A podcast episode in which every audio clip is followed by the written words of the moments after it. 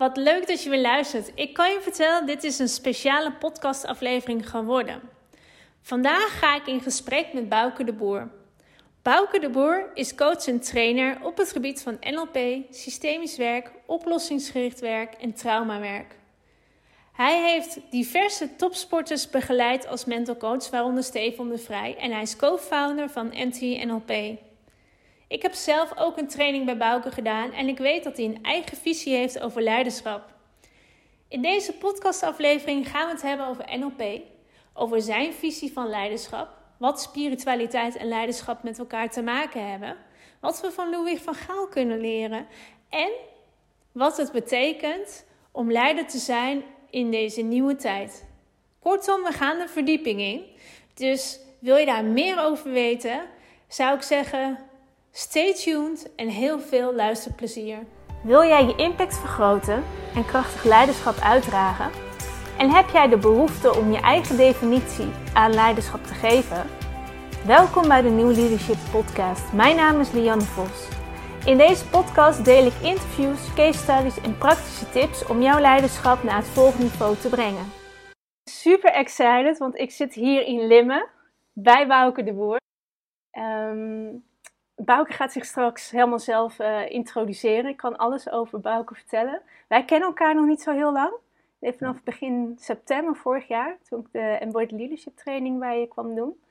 En uh, ik zag jou zitten en ik dacht, oké, ik wil hier meer van weten. Je bent nuchter, je, je bent direct, je kan shocking zijn voor mensen. Je neemt geen blad voor de mond en je weet alles over NLP. Je ziet eruit als een jonge god, maar je bent al ietsje ouder, ik, ik hoor, Ik hoorde niet wat je zei. Nee. nog een keer. Ja, nee, hoe, hoe, oud ben je nu? 73. Ja, en je, je bent nog volop aan het werk. Ja. Dus dat is super interessant ook om uh, wat meer over te weten. Ja. Maar ja, ik kan je helemaal gaan introduceren, maar ik zou willen vragen, wie is Bouke? Zo, goedemiddag. Wie is Bouke? Uh, nou, ik, ik, ik, ga even naar binnen, want mm -hmm. dan kan ik natuurlijk heel vertellen wat ik allemaal gedaan heb en al de groeien. Dat vind ik niet zo handig. Nee. Maar als ik uh, nu spontaan antwoord moet geven op wie is Bouke, dan heb ik het gevoel dat ik vertel waarom ik hier op aarde ben. Ja. Ik ben hier om vreugde te ervaren. Dus ik vind het ook altijd mooi, dat zal ook hier straks blijken. Maar ook in training, dat ik ook de lichtheid erin wil houden. Mm -hmm. Uh, Doreen zegt het is mooi dat je dat doet, want dan is het meer verteerbaar. Doreen is dan mijn vrouw. Nou, ik zeg om die reden doe ik het niet. Dat is dan meegenomen, maar dat voel ik gewoon. Ik ben hier als ik het een beetje, nou, anders wil noemen dan anders, zou ik zeggen. Ik ben hier om mijn licht te laten stralen. Ja. Maar ik vind het nog mooier om heel vaak gewoon in de nuchterheid te zeggen: ik ben hier om mijn deskundigheid te delen. En ik ben hier om mensen te ondersteunen om wakker te zijn. En als je dan vraagt wie ben ik, dan ben ik ook iemand die zich zeer ernstig zorgen maakt over wat er allemaal in de wereld gebeurt. Maar dat, dat is nog een deel van mijn ziel die het nog niet zo makkelijk vindt om daar ja tegen te zeggen mm -hmm. en ook geen oordeel veroordeel over te hebben. Als ik nu zie wat er in Afghanistan gebeurt, dan heb je daar in principe met compassie naar te kijken, want blijkbaar heeft de wereld dit nog nodig. Dan kan ik dat zien, maar dan vind ik het nog niet zo makkelijk om volledig weg te blijven van oordeel veroordeel. Nou, en dat is ook het onderwerp waar we het dan over gaan hebben, over leiderschap. Dat ik daar compleet anders naar kijk. Dus als je zegt wie is Bouke, dan is het... Uh, dan ben ik ook iemand die, uh, dat, daar kan ik nu anders naar kijken in het verleden. Dat ik los van het feit dat ik een pionier ben, ik ben ook een initiator. Uh, maar ik ben ook iemand die constant blijft kijken, wat is er meer, meer leren. Ik weet zelfs nog dat ik als fysiotherapeut ooit begonnen ben, maar dat ik mensen ontslagen heb van in mijn praktijk omdat ze geen nascholing deden. Ja, dat kan niet. Dus dat is ook wel waar ik nu tegenaan op. Dus wie is nog meer? Uh, constant bezig met een stukje bewustwording. Uh, met het bewustzijn van hoe staan we in de wereld. En uh, mensen daar ook in te ondersteunen. En wie is Bouke nog meer? Die was in het verleden iemand die duwde het vierkant door een strot heen, want dat moesten ze mm -hmm. doen. En daar ben ik nu helemaal klaar mee. Zo. Van, ik, ik vertel mijn ding en wat mensen ermee doen is helemaal prima. Als ze er helemaal niks mee doen, kan ik dat nu nemen. Dus ik ben daar wel in veranderd. Ja, ja. ik vind het wel leuk. Je zegt dat je bent een pionier. Jij kwam al heel lang geleden, voordat NLP echt helemaal hot topic was, in aanraking met NLP. Ja. Hoe lang is dat geleden en Hoe ben je in godsnaam in aanraking met NLP gekomen? En voor de mensen die niet weten wat NLP is, het is neurolinguistisch programmeren. Ja. En ze hebben er allerlei definities onder hangen. De Ja, een zegt klopt. het eh, onbewuste bewust maken, de ander zegt eh, de studie van communicatie, de ander zegt het is eh, de studie naar succesvolle mensen. Ja, dat vind ik zelf wel een mooie. Ik, ik noem het heel vaak een soort empirische wetenschap. Ja. De ervaring heeft geleerd dat werkt. Van een studie van mensen die succesvol zijn. Mhm. Maar destijds was het succesvol, hoe kan je zo snel mogelijk je portemonnee gevuld krijgen? En wij kijken veel meer succesvol in de persoonlijke ontwikkeling. Ja. Dat gaat over jou als mens, als vader, als moeder, als partner, eh, als medewerker, als collega, als mens. Dus wij staan enorm voor de persoonlijke ontwikkeling. En het ontstaan dat ik met NLP aanraking kwam Mhm. is een beetje gênant. Want ik eh, zit al bijna 50 jaar in de topsportbegeleiding en toen als fysiotherapeut, manueeltherapeut. En dan had je Jorrit Jorritsma. En Jorrit was eh, coach van Jong in sprintploeg en ik was daar de fysiotherapeut. Maar had ruzie met iedereen en communiceerde als een deur en hij begon met NLP. En dan werd super, super enthousiast. En toen zegt hij, is ook wat voor jou en voor Doreen, mijn vrouw. Nou, ik denk het niet, hè. Communiceer voortreffelijk, dus vind ik allemaal maar onzin. Maar toen heeft hij een training van tien dagen ge- gemaakt. En toen heeft hij dat aan ons aangeboden. Want hij zegt, jullie hebben ook heel veel voor mij gedaan. Ik bied het aan. Ik denk, nou, oké, kost het me in ieder geval niks. En na twee dagen weerstand, want ik was, en we deden het één keer in de veertien dagen, wat ik met de arm over elkaar, wat een gelul allemaal, zo de erop. Maar op een gegeven moment ging ik het uitproberen. Nou, dat is zo bijzonder. Ik werd zo enthousiast en, en, en Doreen ook. En toen zijn wij, precies wat je zei, toen was het nog niet zo in Nee. Nederland. Zijn we vijf jaar elke zomer naar Amerika gegaan. Eerst zeg maar de practitioner reviewer, want die had weer een beetje gedaan. Toen de master, het jaar daarna de master reviewer en de trainingsopleiding. En toen zijn we nog drie jaar de trainingsopleiding gaan assisteren. En toen zijn we eigenlijk samen, Jorrit was begonnen, maar die stopte van het een op het andere moment, want die wilde het bedrijfsleven in. En toen hebben wij gewoon als het ware nou, het instituut in onze schoot geworpen gekregen en we zijn maar aan de gang gegaan. Het is, het is ons overkomen. En was het niet moeilijk op dat moment om, hè, het is natuurlijk een heel nieuw concept binnen, binnen Nederland, om, om mensen daar wakker voor te maken? Nou, ik, ik hoor wat je zegt, eh, dat die vraag is meer gesteld, maar een van mijn eigenschappen die enorm tegen mij heeft gewerkt, ik had een bord voor mijn kop, dus ik bepaalde zelf wat ik deed en wat mensen ervan vonden maakt eigenlijk geen bal uit. Nee. Nou, dat is niet zo handig, dus ik heb ook heel veel, eh, ik zeg wel eens spottend, als ik nu nog alle mensen zou moeten benaderen met excuus aanbieden, misschien wat over grenzen ben heen gaan, dan zijn dat een heleboel. Maar het is ook mijn kracht geweest. Ik weet nog dat wij het compleet anders deden in het begin dan de Nederlandse Vereniging voor NLP verwachtte. is het IEP, die deed het heel vanuit het cognitieve. En toen zegt toen, ja, maar ja, als we dat zo doen, dan kunnen we geen lid worden. Nou, dan gaan we toch een eigen vereniging oprichten. En dat heb ik nog steeds. Dat is een beetje de pionier. Dus ja, we hebben heel veel weerstand gehad, maar ik geloofde er zo in. Dat voor mij was dat helemaal geen punt. Ik heb dat wel eens jammer gevonden. Daar heb ik nu ook in het verleden ook heel veel oordeel, veroordeel over gehad. Nu, nu kan ik, ik kan nu compleet op een andere manier kijken. En dat heeft heel met mijn eigen persoonlijke ontwikkeling te maken. Dat ik compleet anders kijk naar zielenlevens. Eh, Dat ik nu de absolute overtuiging heb dat wij spirituele wezens zijn die hier fysiek weer nieuwe ervaringen op komen te doen. Ik bedoel, wij kennen elkaar ook niet. Dat heb je meer gezien in de groep. Met sommige mensen heb je een klik. En denk je, ja, hoe werkt dit nu?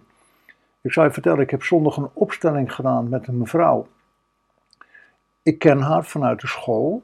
En dat is een systemisch Met, familieopstelling. met een familieopstelling. En ik ben me bewust geworden, ik heb drie keer tijdens die opstelling tranen gehad. Ik denk, ja, maar ik herken zo in jou. Ik zeg, nou, vroeger zou ik me een onzin vinden. Ik zeg, nou, wij zijn er vorig levend, hebben volgens mij, eh, zijn we broer en zus geweest. Ja. Zij deed compleet mijn opstelling met mijn hele Suriname verhaal. Zij verbonden met Afrika. Dus er is veel meer tussen hemel en aarde. En dat zeggen we ook steeds meer.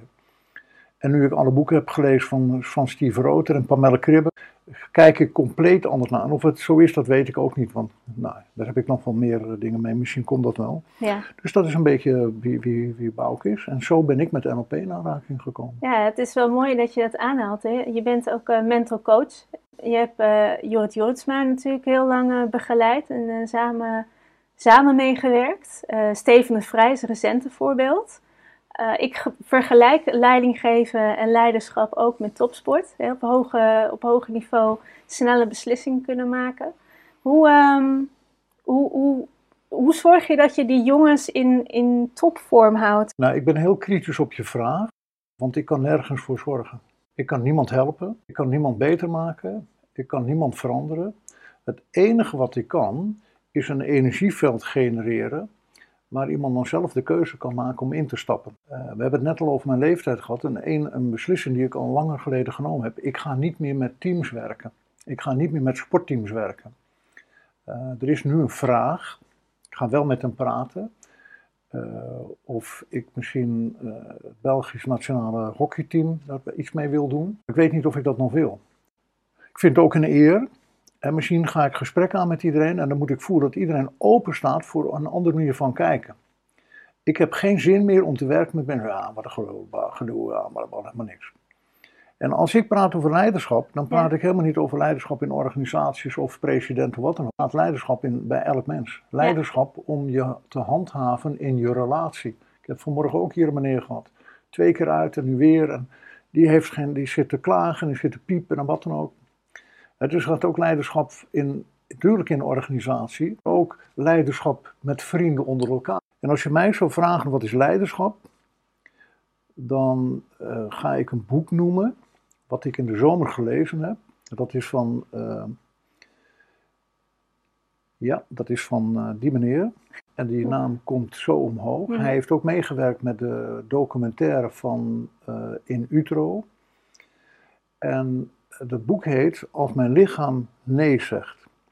En waar ik eigenlijk nog een keer ongelooflijk in bevestigd werd, wat ik al heel lang weet.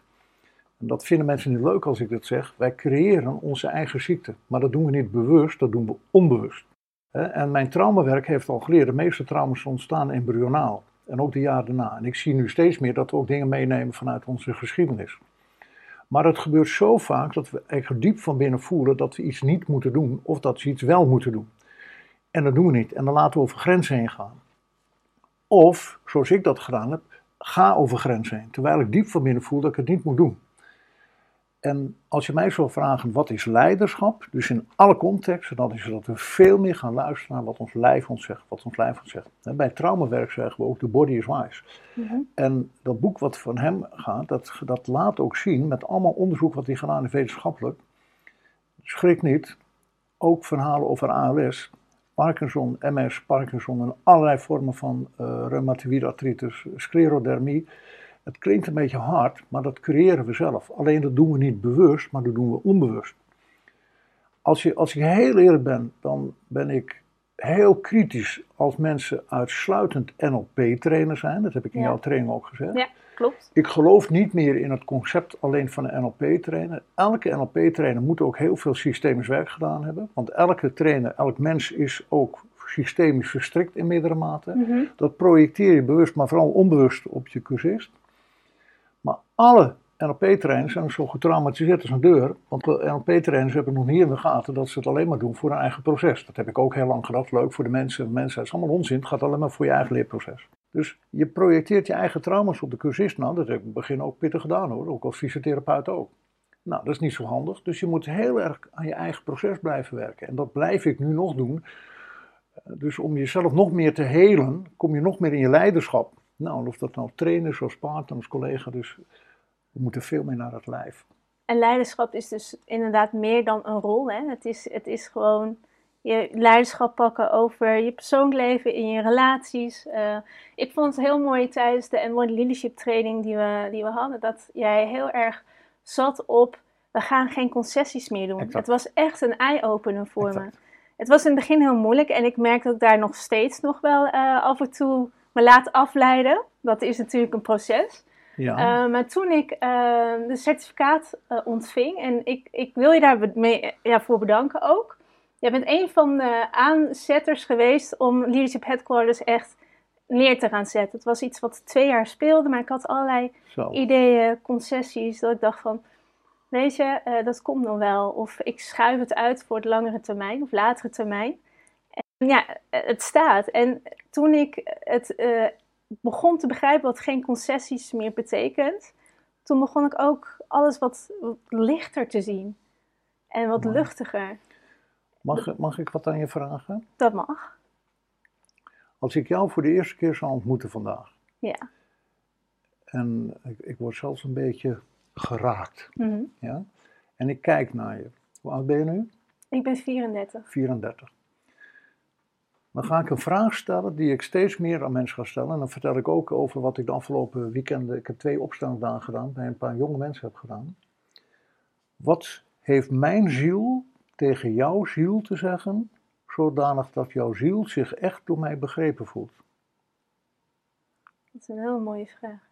Dus wat moet mijn ziel aan jouw ziel vragen, zodanig dat jouw ziel zich echt door mij begrepen voelt? Weet je wat ik dan heb te doen? Een hand op mijn hart neer te leggen en tegen zeggen: Dankjewel dat je op deze wereld bent gekomen. Want jij bent de manifestatie van wat ik noem de nieuwe generatie. Eckhart Tolle, die, dat heb ik natuurlijk in de training meermaal gezegd, die zegt de transformatie van het menselijk bewustzijn is zo gezegd niet een luxe weggelegd voor een aantal, maar harde noodzaak voor heel veel mensen willen we de wereld niet vernietigen. En dat zie je om je heen. En wat ik dus niet snap, maar dat ga ik ook nu benoemen. Ja. Uh, Jerry Soukov beschrijft in zijn boeken uh, over spirituele partners. Je hebt uh, vijf zintuigelijke waarnemingen. Mhm. Dat is een oude manier. We zien, we ruiken, we proeven en we kunnen voelen. Maar we moeten veel meer, en dat is er al heel lang, naar multisintuigelijke waarneming. En wat ik niet weet, dat ik al heel lang roep, wij maken er met elkaar een zootje van. De wereld, het universum gaat zorgen voor heel veel nieuwe kinderen, nieuwe tijdskinderen. Ik had geen idee wat ik zei. En wat ik aan jouw energieveld voel, natuurlijk nu ook in deze eerste ontmoeting, maar dat weet Ja. ik. En je weet wat er in de training is gebeurd met nog een aantal. Ja. Die zit al zo in het veld. Dus wat ik tegen jouw ziel heb te zeggen, dank je wel dat je op deze wereld bent gekomen. Want mensen zoals jij hebben we nodig. En dat heb ik afgelopen weekend ook met een paar in de groep gedaan. Dat ik echt heb gezegd, we gaan voor je staan, dank je wel dat je op de wereld. Maar wat jij nu meer bent gaan doen, wat je diep van binnen al bent gaan voelen. Dus wat ik tegen hen op, ga het maar geloven. Ga het maar geloven. Ga het maar geloven. Natuurlijk zal je weerstand hebben. En dan heb jij misschien ouders of wat dan ook die het begrijpen. Maar een heleboel ouders begrijpen niet. Doe even normaal. Nee, maar dit gaat gebeuren. En op de een of andere wijze voel ik ook steeds meer dat mijn ziel ook als taak heeft om deze jonge mensen te stimuleren om te doen wat we hebben te doen. Mhm. Ik mag het natuurlijk niet hardop zeggen in zijn interview, dus dat doe ik ook niet. Maar we maken er met elkaar een klotenzooi van. Ja. Dus er heeft wat te gebeuren. En ik voel dat mijn ziel die opdracht heeft gekregen. Nou, dan heb ik gelukkig ook nog een hele wijze vrouw die me ook nog op het padje houdt. En ik heb Ja. ook een zoon van twintig die me ook een levensles geeft. Dus ik kijk steeds meer op die manier. Nou, en dan, wat ik dan heel leuk vind, het, het, het is maar weer een concept. Ja. Als je praat over leiderschap, Mhm. en dat heb ik eigenlijk nog nooit zo genoemd, maar dat noemt Jerry Soukov in zijn boeken. En dat vond ik best wel grappig. Hij zegt, je hebt nog de klassieke man en de klassieke vrouw. Ja. En de klassieke man, die gaat trouwen en die heeft een vrouw. En die kan mooi voor zorgen voor het eten koken Ja. en voor de kinderen zorgen. Jaren op. 50 ideeën. Nou, en de klassieke vrouw, die heeft een man, want dan kan ze lekker, de, die verdient zijn geld en noem maar op. Nou, dat is al enorm in ontwikkeling, maar je hebt ook de nieuwe man en de nieuwe vrouw. Mhm. Maar praat je over het oude veld, dan is het volg de leider. Dus zo is het nu eenmaal. Autoritair. Exact. Met oordeel, veroordeel. En het nieuwe veld is dat we veel meer open en transparant zijn. Dus dat alles er mag zijn. En als ik dan een paar weken geleden weer lees van, goh, in het nieuwe veld er zullen straks geen geheimen meer zijn, dan vertaalt hij ook dat als je wat voelt, dan heb je dat te doen. En nu komt het, die ervaring hebben Doreen en ik ook een paar keer gehad, dat als je het echt gaat begrijpen, zoals, het is een perspectief hè, Ja, ja, het is, Het is een eh, perspectief. Ja. maar als je echt leiderschap gaat begrijpen, dan moet je alles wat er is benoemen. Mhm. En uiteindelijk gaat de persoonlijke ontwikkeling, de spirituele ontwikkeling van iemand, ook van een partner, gaat voor de relatie. Ja. Nou, zullen het maar niet zeggen, want ja, goh, wat nee, dan is het een kansloze missie. En dan groei je met elkaar. Ja. En ik roep eigenlijk al wat langer, doorheen, wij hebben niet meer een normale situatie of een normale relatie, we hebben een spirituele relatie. Niet weten dat hij ook praat over een spirituele huwelijk of een nou, klassiek huwelijk. Nou, en dat is het pad waar we in zitten. En dan heb je elke dag heb je de keuze of je dat wil. En als je denkt, ja, maar te gedoe, wat een gedoe, nou, dan is dat zo. Maar je betaalt in mijn beleving wel een prijs. Dus als je praat over leiderschap, dan praat ik over de nieuwe man. Ik praat over de nieuwe vrouw. Ik praat over de nieuwe relatie. Ik praat over dat we een compleet andere manier hebben te kijken. Ja, je ziet natuurlijk nu heel erg dat het vrouwelijk leiderschap eh, heel erg eh, in booming is. Ik zie het meer als een marketingbegrip, dat vrouwelijk leiderschap opkomt. Ik, ik ben het mee eens dat er meer vrouwen op hoge posities moeten komen. Maar we moeten daar niet de mannen in vergeten.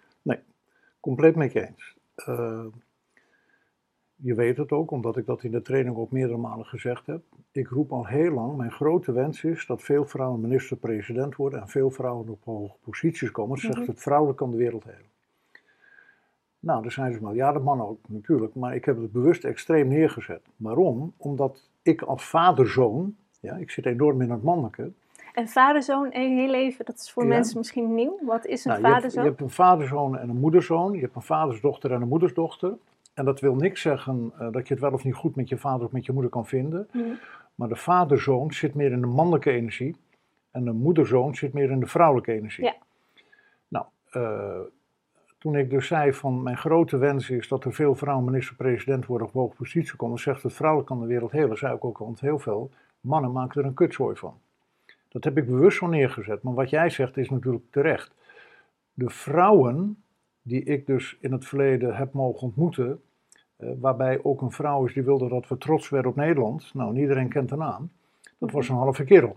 Ja, Eh, Thatcher was een halve kerel. Merkel zat daar ook nog een beetje in. Maar als je nu gaat zien dat er steeds meer vrouwen ook vrouw zijn. ja. Ik heb eh, drie keer een mail gestuurd naar de vrouw van D66.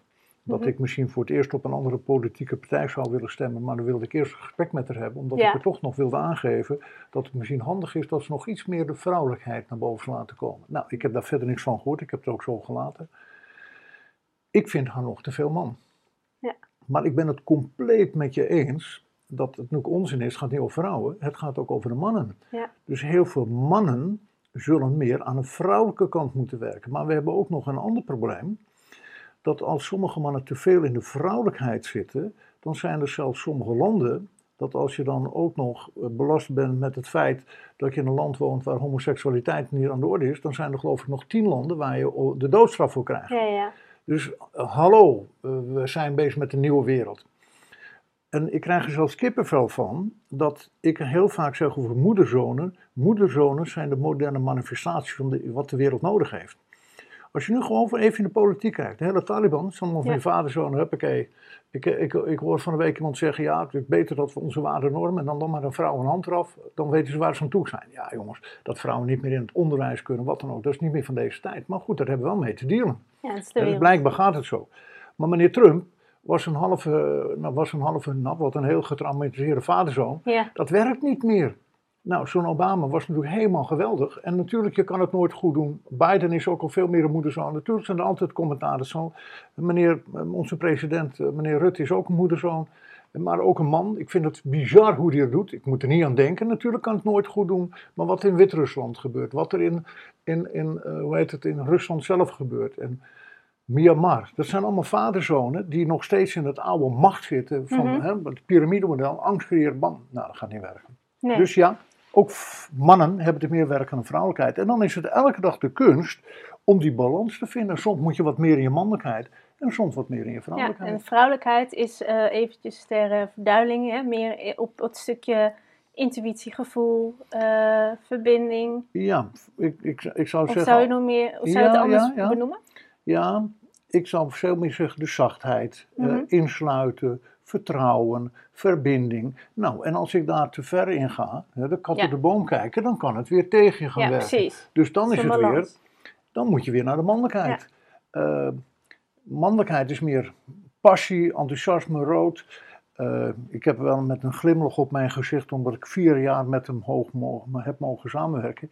Ik hoop dat we nu weer een vaderzoon hebben die zorgt dat we straks weer in Qatar kunnen meedoen met de WK. Oh ja, Onze grote vriend Louis. Ja. Die ken ik heel goed. Nou, dat is een typische vaderzoon. ja, Eh, en, en zonder, naar, ik, ik, ik, al- hem- ik begin helemaal te stotteren, want ik wilde bijna zeggen, mijn broer die heeft ook heel lang bij AZ gezeten en ik ook. ja, En als wij dan moeten zeggen, wie is voor jou de beste trainer waar je ooit mee in contact bent geweest, dan staat met een dikke stip staat Louis van Gaal. ja, Maar ik vergeet nooit, hij ging en nog wel een beetje, want het is wel minder, de strijd aan.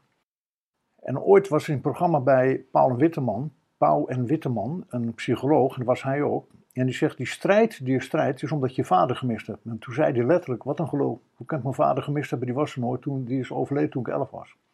Dus op een hele diepe laag systemisch gezien ja, zoekt hij nog steeds zijn vader. Maar dat wil niet zeggen dat je heel succesvol kan zijn. Maar goed, hij heeft ook wel het nodige meegemaakt wat ik hem niet gegund had. En daar ben ik absoluut van overtuigd dat het ermee te maken heeft. Maar misschien kan hij er niet zo naar kijken. Dus een vaderzoon heeft heel veel positieve eigenschappen, moederzoon ook. Maar de, het is de kunst van de balans. balans. En dat is elke dag een uitdaging. Ja, want je zegt echt wel heel iets moois, hè? Ehm, waarom zijn sommige leiders succesvol en sommige niet?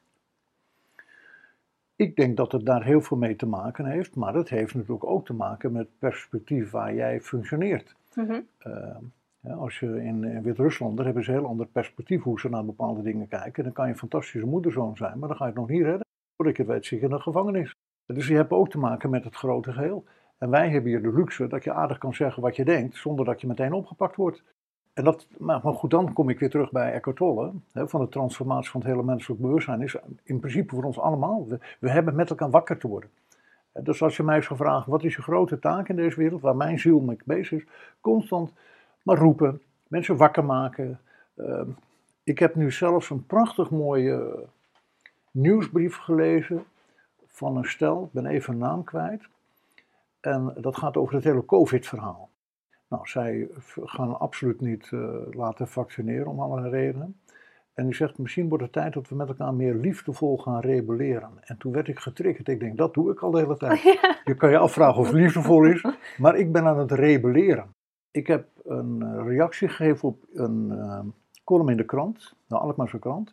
Er stond in, uh, ikke, ikke, ikke en de rest kan stikken, ikke, ikke en de rest kan stikken. Al die mensen die niet zich laten vaccineren zijn zo egoïstisch als wat. Nou, en ik glimlachte. Toen heb ik hem teruggestuurd. Ik, ik en de rest kan stikken. Ik en de rest kan stikken. Ik zuip mijn complete pestpleuris. Ik heb Korsakoff-syndroom. Ach, de maatschappij betaalt wel. De gezondheidszorg draait wel voorop. Ik, ik en de rest kan stikken. Ik heb nog nooit een beweging gedaan. Ik ben nog nooit een fit gegaan. Ja, ik ben 30 kilo te zwaar, maar ach. Maagverkleining en de gezondheid nou. Hoe bedoel je egoïstisch? Ik, ik en de rest kan stikken. Ik zit vol trauma's, zit vol al der voordelen. Maar is er dan nog plek voor mij? Ja hoor, kan je altijd nog columns schrijven voor de Alkmaarse krant. Nou, dat noem ik liefdevol, tussen aanhalingstekens rebelleren. Mensen, kom op, ik roep al 40, 50 jaar. Als we twee, drie keer in de week naar de fitness gaan, dan kan je de 50, 60 procent van de gezondheid beperken. We moeten veel meer naar onze eigen verantwoordelijkheid, eigen verantwoordelijkheid, eigen verantwoordelijkheid. We zijn zo aan het piepen en klagen en zeiken, het ligt aan die, het ligt aan het licht, heeft mijn vader en mijn moeder. Kijk naar jezelf wat je kan doen. Als, als, ik, als ik nu nog steeds om me heen zie, als mijn vrouw maar dat doet, als mijn man maar dat doet, als mijn vader en moeder maar dat doen, als mijn collega maar... Nee jongens, de veiligheid moet je niet buiten jezelf zoeken, die moet je binnen jezelf zoeken. Dat zit allemaal in jou en niet buiten je. En veel te veel mensen zoeken het nog buiten zichzelf. Het, ik noem het vaak nieuwe leiderschap, waar we het over hebben. En in, in wezen is het ook niet helemaal nieuw. Als ik kijk naar voorbeelden die zijn geweest, iemand die ik heel erg waardeer in zijn leiderschap is Nelson Mandela. Is ook een man wel vol tegenstellingen. Um, maar wel een hele charismatische man. Uh, een man met compassie. Een man met een intrinsieke motivatie, een hoger doel.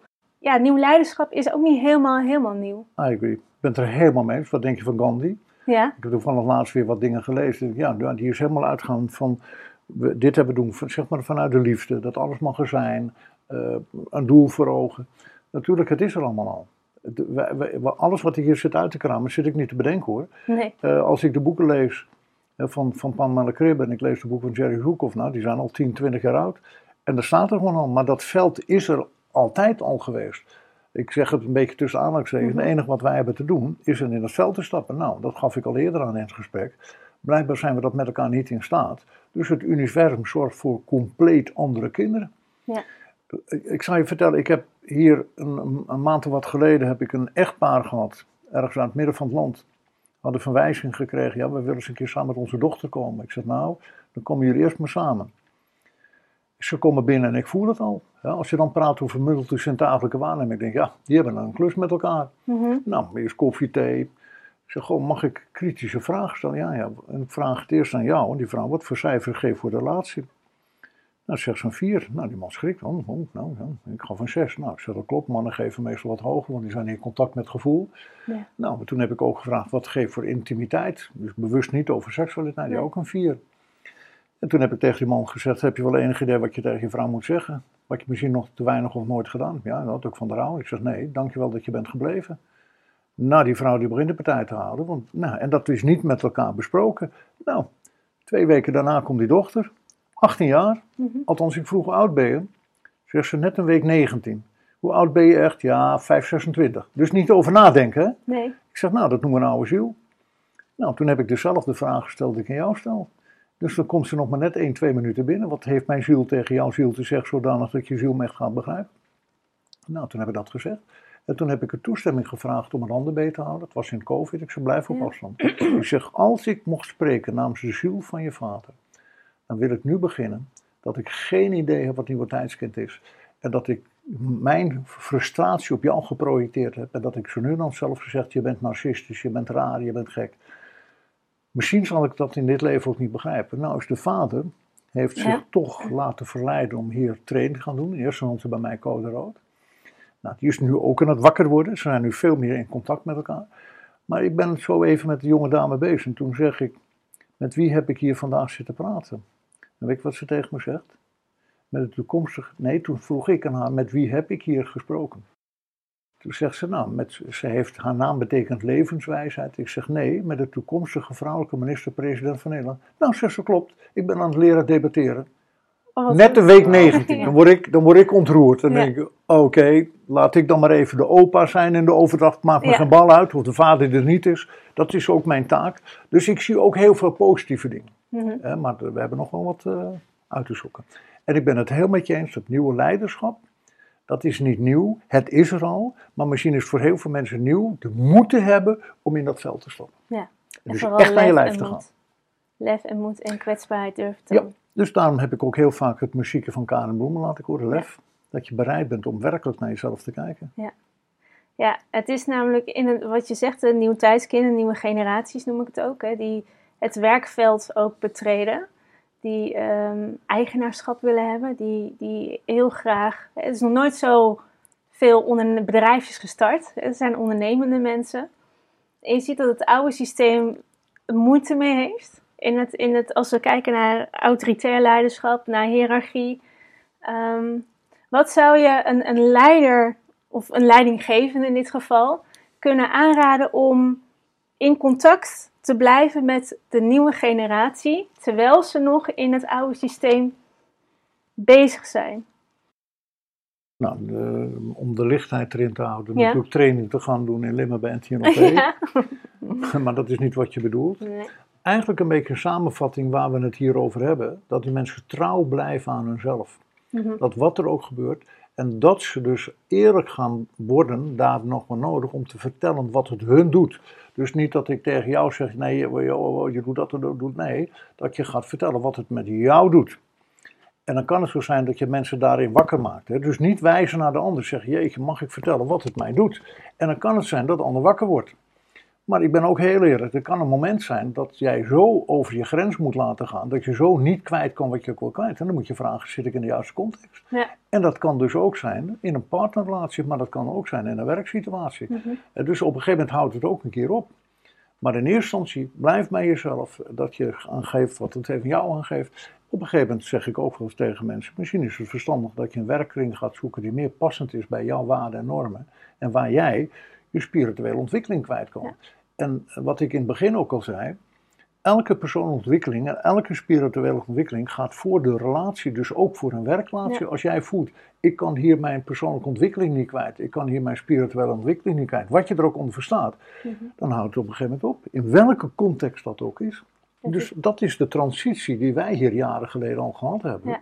Ja, dat de mensen waren, die waren niet bereid om werkelijk in dat veld te stappen. Dat wil niet zeggen dat het altijd makkelijk is. Dus wij zijn er ook altijd mee bezig, nog, ook hier. Maar wij zien dat we steeds meer in een ander frequentieniveau komen van, van trillingen.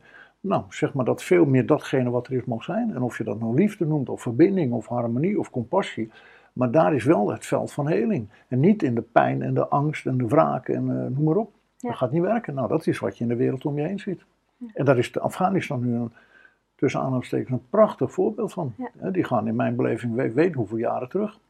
Nou, en dat gaat uiteindelijk niet werken. Maar Nee. blijkbaar heeft de wereld het nog nodig om wakker te worden. Je hebt dualiteiten nodig. Diepe zucht, ja. Diepe zucht. Ja. Ja, ik, ik noem het ook wel. Er zijn nu zoveel benamingen. Mensen noemen het vijfde dimensie, mensen noemen het al gaan naar de achtste dimensie. Mensen gaan over eenheid bewustzijn. Ik weet je wat, ik, ik vind het nu ook wel weer mooi om het de nieuwe man, de nieuwe vrouw. Spirituele partners, weet je, de namen die je eraan geeft, maakt me eigenlijk niks uit. Maar het gaat om dat je naar je lijf gaat. En Gabor Maté, ik was nog even bezig met de naam van de auteur. Gabor Maté. Gabor Maté, hij heeft ook meegewerkt met de documentaire in Utro. En hij heeft het boek geschreven Als mijn lichaam nee zegt. Nou, daar schrik ik eigenlijk niet van, maar ook wel. Uh, doordat mijn vrouw, die is ooit in Amerika opgeleid als gezondheidscoach. En daar was uh, een aantal hoogleraren verbonden die zeggen 90% van onze aandoeningen komt de leven- en eetgewoonte. Nou, leefgewoonte is heel veel. Dat je dus niet doet wat je wilt. Mhm. Als je zo kijkt naar heel veel aandoeningen, dat is ook wat in dat boek beschreven staat hoor. Nou, heftig. Dus naar je eigen lijf, naar je eigen lijf. Nou, daar heb je allemaal en je eigen verantwoordelijkheid daarin te pakken. En wat ik wel mooi vind uh, bij Doreen, ik heb een zoon van 20. Ja, die kan feilloos aangeven wat hij voelt hoor. Dat mhm. vind ik echt bijzonder. En uh, ja, ik heb daar nog wel eens de klassieke opvoeder op willen loslaten. toen ik 17, 18 was, woonde ik op kamers in Amsterdam en ik deed mijn ding. En deze jongen zit nog thuis, mama, kan je wat fruit maken? Maar inmiddels uh, zit hij heel simpel in het derde jaar nu voor een financiële opleiding, wat we niet begrijpen. Hij is zijn eigen bedrijfje al begonnen en hij werkt bij zijn oom en hij doet gewoon zijn ding. Ik denk, ja, je bent ook een nieuwe tijdskind. Ja. En dat vond ik soms nu dan nog niet eens zo makkelijk. Maar hij geeft mij een levensles, waardoor ik nog meer snap waar het werkelijk om gaat. Mooi.